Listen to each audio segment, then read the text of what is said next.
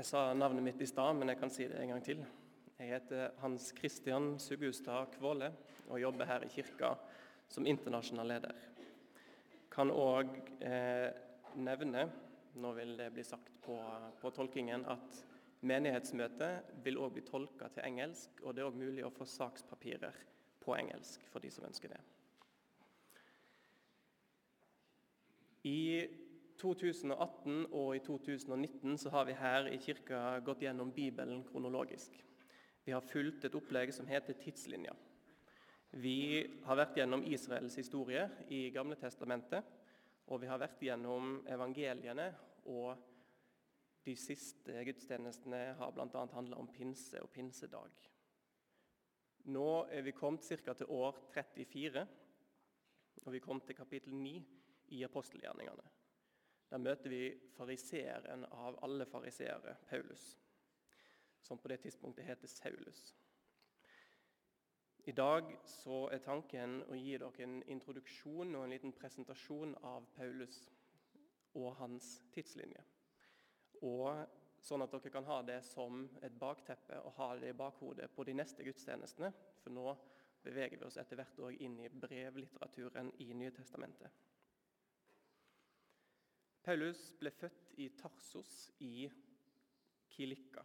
Han var av jødisk avstamming, født av israelittiske foreldre og var også født til romersk borgerskap. Jeg skal lese bibelteksten her eh, om en ørliten stund. Jeg skal styre den egentlig herfra. Skal vi se. Sånn. Um, født òg av romersk borgerskap. Av yrke så var Paulus opprinnelig teltmaker. Siden han var født i diasporaen, det betyr han er født ut forbi Israels land, eh, så kunne han òg tale og skrive gresk. Men siden foreldrene hans var hebreere, så var òg hebraisk og arameisk sannsynligvis språk som ble snakka på hjemmebane, og som han vokste opp med. Når vi møter Saulus i apostelgjerningene kapittel 9 på vei til Damaskus, så er han 30 år gammel, pluss-minus to år. Han er halvveis i livet og er en fremadstormende jøde som ligger an til å bli en særs, særs viktig person i Jerusalem. Da skal jeg lese dagens tekst. Dere som sitter bakerst, må si fra til meg etter gudstjenesten hvis tekststørrelsen er for liten. Så justerer jeg det til neste gang. Saulus raste fremdeles, fremdeles mot Herrens disipler og truet dem på livet. Han gikk til øverstepresten og ba om brev til synagogene i Damaskus for å kunne finne dem som hørte til veien, både menn og kvinner, og føre dem i lenker til Jerusalem.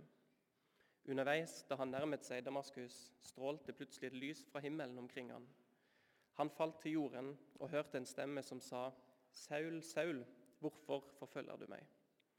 Hvem er du, Herre? Spurte Saul, og svaret lød, Jeg er Jesus, han som du forfølger. Men reis deg nå og gå inn i byen, der vil noen si deg hva du skal gjøre. Mennene som fulgte ham, sto målløse. De hørte stemmen, men så ingen. Saulus reiste seg og åpnet øynene, men han kunne ikke se. Så de tok ham i hånden og leide ham inn til Damaskus. I tre dager var han uten syn, og han verken spiste eller drakk. I Damaskus bodde en disippel som het Ananias. I et syn sa Herren til ham, 'Ananias.' Han svarte, 'Her er jeg, Herre.' Og Herren sa, 'Gå bort i den gaten som kalles Den rette, og i huset til Judas skal du spørre etter Saulus fra Tarsos. For se, han ber.' Og han har hatt et syn og sett en mann som heter Ananias, komme og legge hendene på ham, så han får synet igjen. Men Ananias svarte, Herre, jeg har hørt mange fortelle om denne mannen og alt det onde han har gjort mot dine hellige i Jerusalem. Og nå er han her med fullmakt fra oversteprestene for å legge i lenker alle som påkaller ditt navn. Men Herren sa til han, gå, for jeg har utvalgt han som mitt redskap til å bære mitt navn framfor hedningefolk og konger og Israels, Israels folk. Og jeg skal vise ham alt han må lide for mitt navns skyld.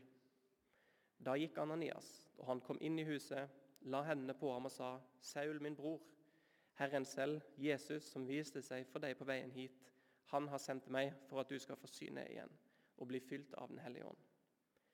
Straks var det som om skjell falt fra øynene hans, og han kunne se. Han sto opp og ble døpt. Så spiste han og kom til krefter. Nå har jeg eh, ikke fulgt med.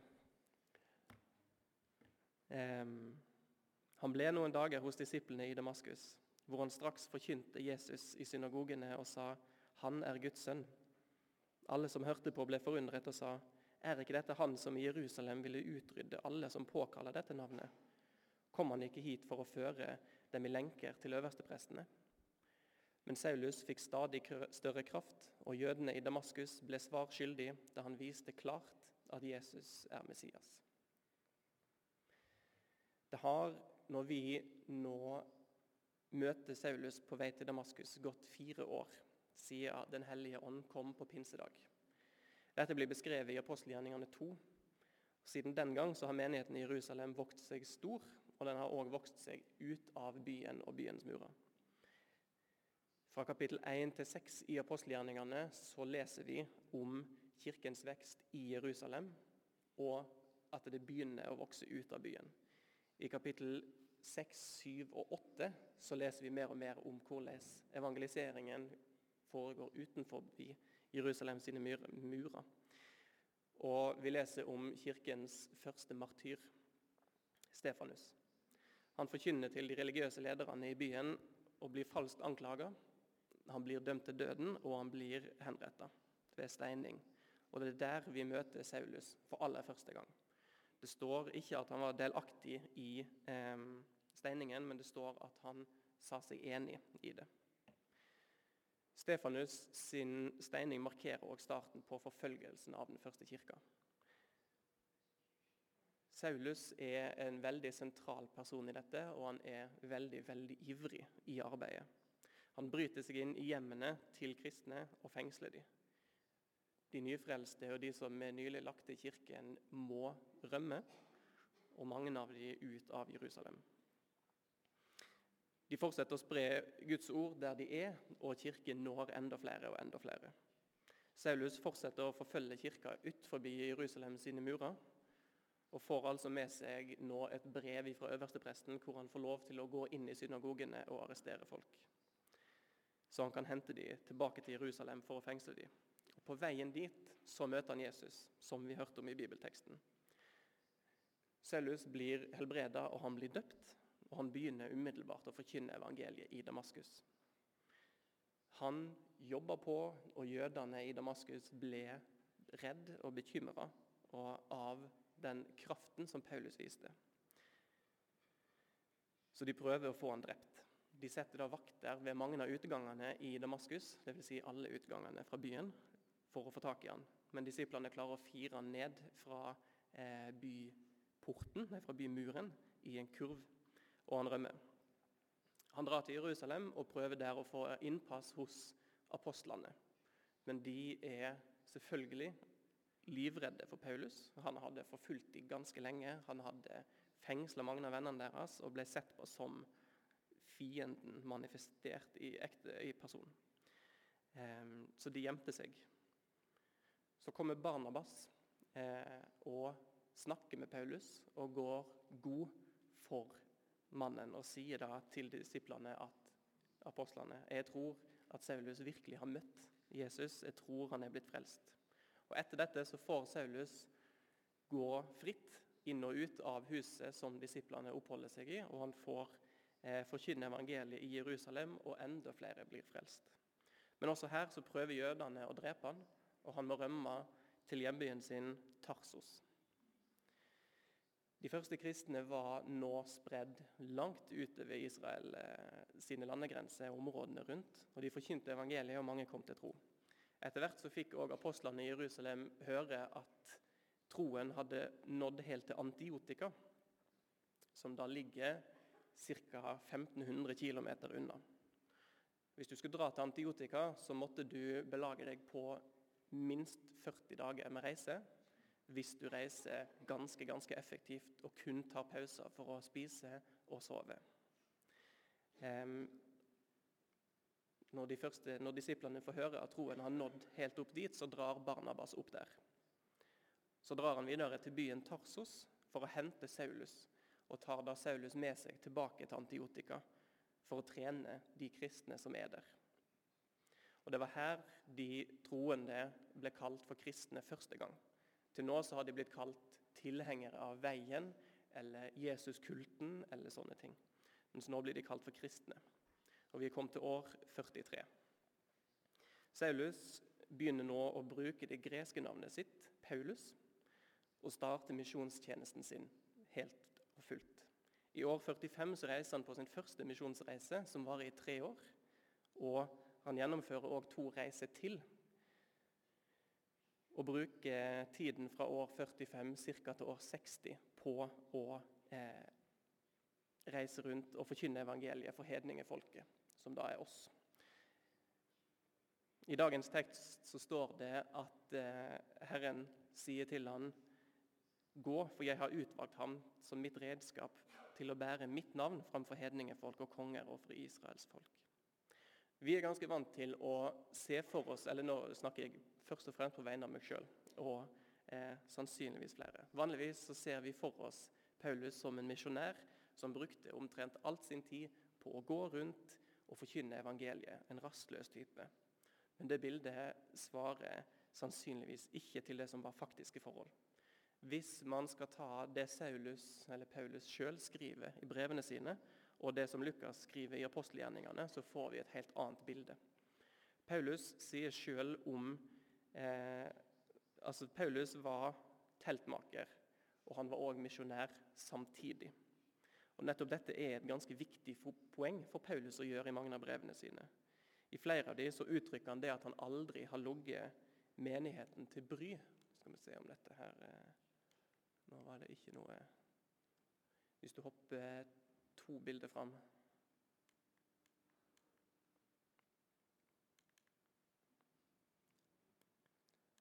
Den her eh, virker ikke som den skal akkurat nå. I um, første Tessaloniker skriver Paulus det at han aldri har logget menighetene til byrde. Det at han har jobba eh, for å kunne tjene penger til eget opphold, sånn at ikke menighetene skal være De skal ikke trenge å betale for at han er der. Paulus var teltmaker, dvs. Si at han laga telt. Og andre produkter av lær. Dette er et ganske hardt arbeid, men det er òg et ganske simpelt arbeid som ikke er særlig innbringende. Det er derfor det er veldig treffende når Paulus skriver i 1. Korinter 4,12.: Vi strever for å livberge oss med det arbeidet vi gjør med våre hender. Det betyr at Paulus har tilbrakt ganske mye tid i teltmakerverkstedene. I 1. Tessaloniker 2,9 så står det at eh, de bruker dag og natt på å tjene til livets opphold, sånn at de kan være i menigheten og forkynne. For dere husker, søsken, hvordan vi strevde og slet. Vi forkynte Guds evangelium for dere samtidig som vi arbeidet dag og natt, for ikke å være til byrde for noen av dere. I de byene som Paulus oppholdt seg i i lengre tid, så har han åpenbart funnet arbeid i et lokalt teltmakerverksted. Sånne verksteder hadde ofte mange menn i arbeid samtidig, og det har ikke vært vanskelig for Paulus å få jobb verken for korte eller lengre perioder. Og De nødvendige verktøyene har han kunnet tatt med seg rundt omkring.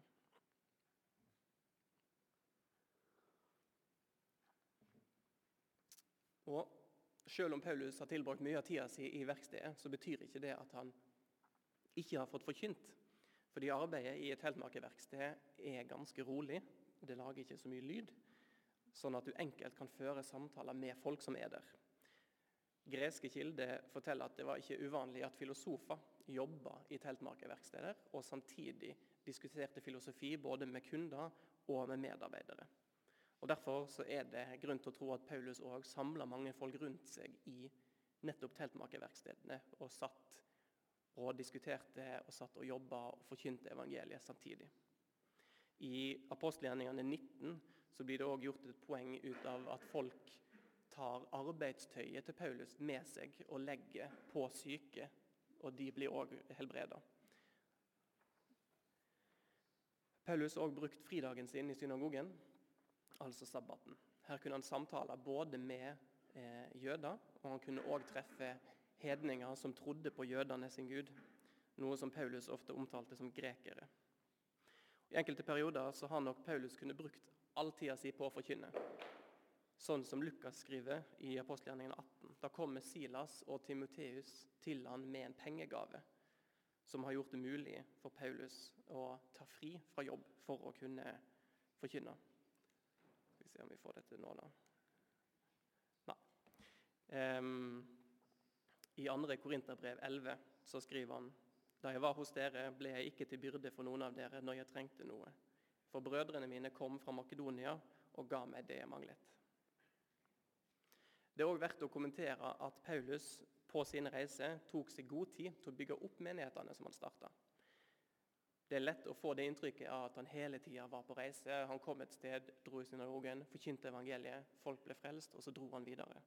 Men eh, Lukas forteller at Paulus tilbrakte over ett og et halvt år i Korint i eh, Lukas 18, nei, i apostelgjerningen 18.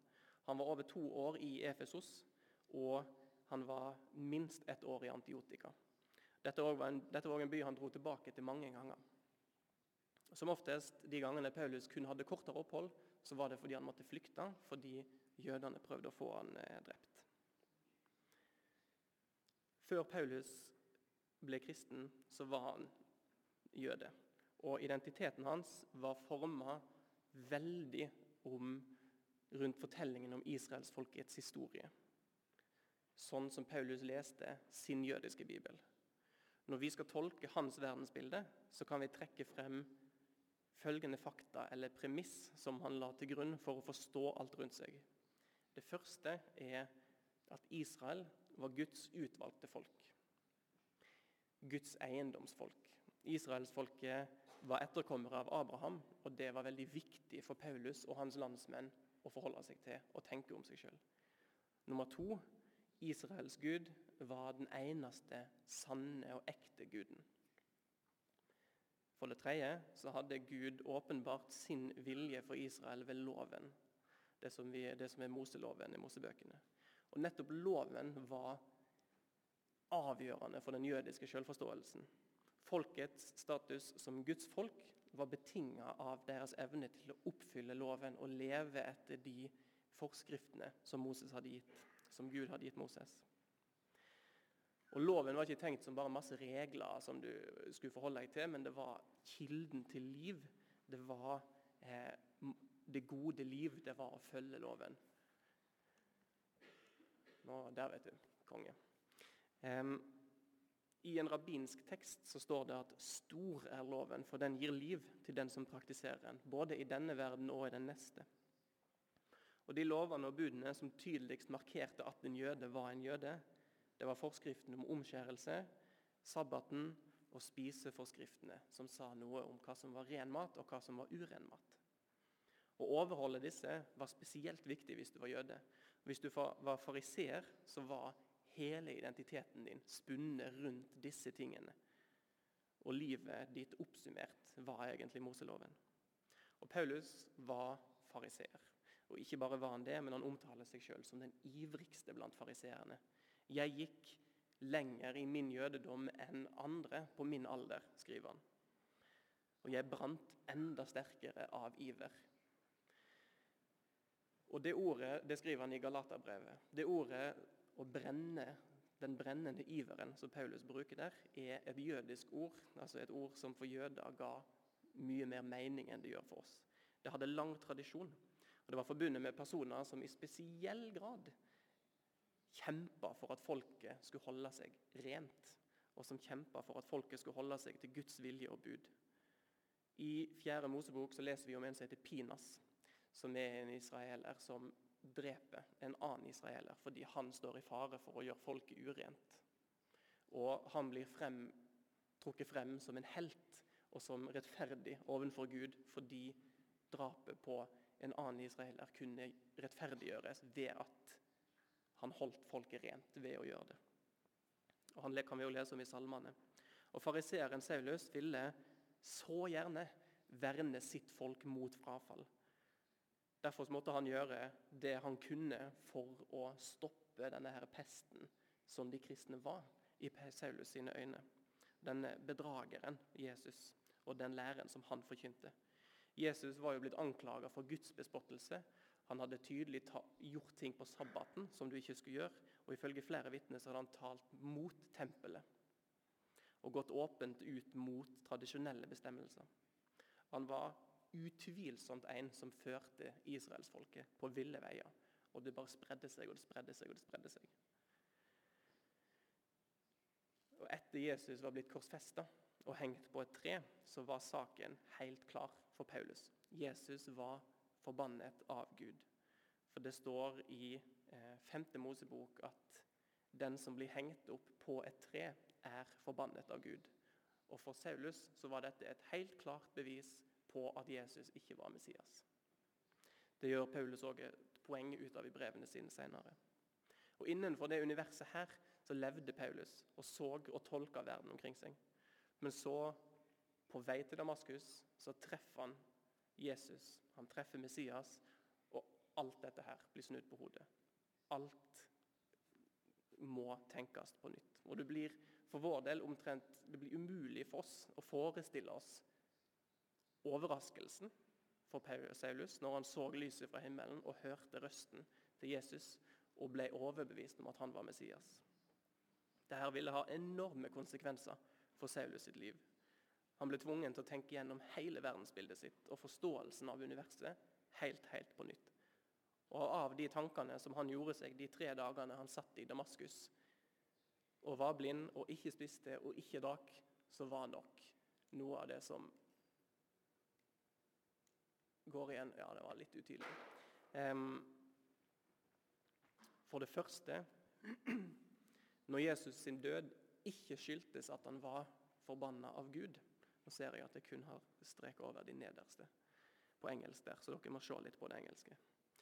Når Jesus sin død ikke skyldtes at han var forbanna av Gud, så måtte døden til Jesus tolkes på en helt annen måte.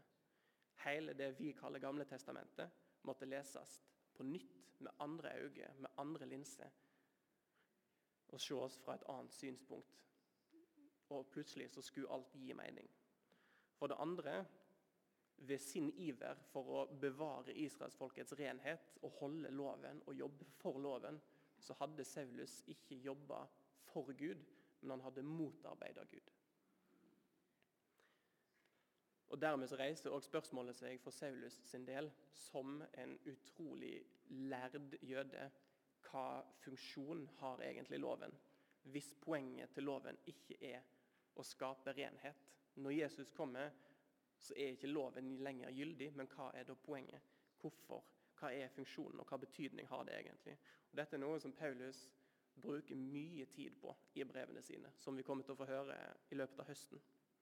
For det er viktig, veldig viktig, at jøder forstår dette, og spesielt hedninger som ikke har kjennskap til det. Paulus var en ekstremt vis mann, og han eh, når du blir kjent med Paulus, så ser du hvordan Gud sitt valg av representant ikke er tilfeldig. Noe det sjelden er med Gud. Men Paulus var ikke bare mannen som forfulgte kristne og terroristen som vendte seg om, eller misjonæren som rastløst tilbrakte livet sitt på reisefot. Han var en utrolig hengiven mann til Gud. Han ønska for alt det var verdt å tjene Gud og gjøre det rette.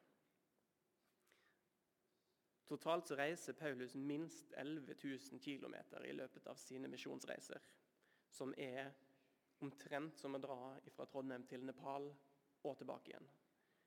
Eventuelt fra Trondheim til Australia. I år 60 så blir Paulus arrestert i Jerusalem, og han blir frakta til Roma. Og De siste kapitlene i apostelgjerningene handler om den reisen.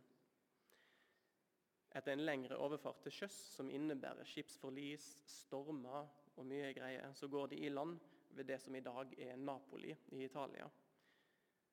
Omtrent ved foten til vulkanen Vesuv, som bare 15 år senere har sitt kjente utbrudd, eh, begraver Pompeii i aske.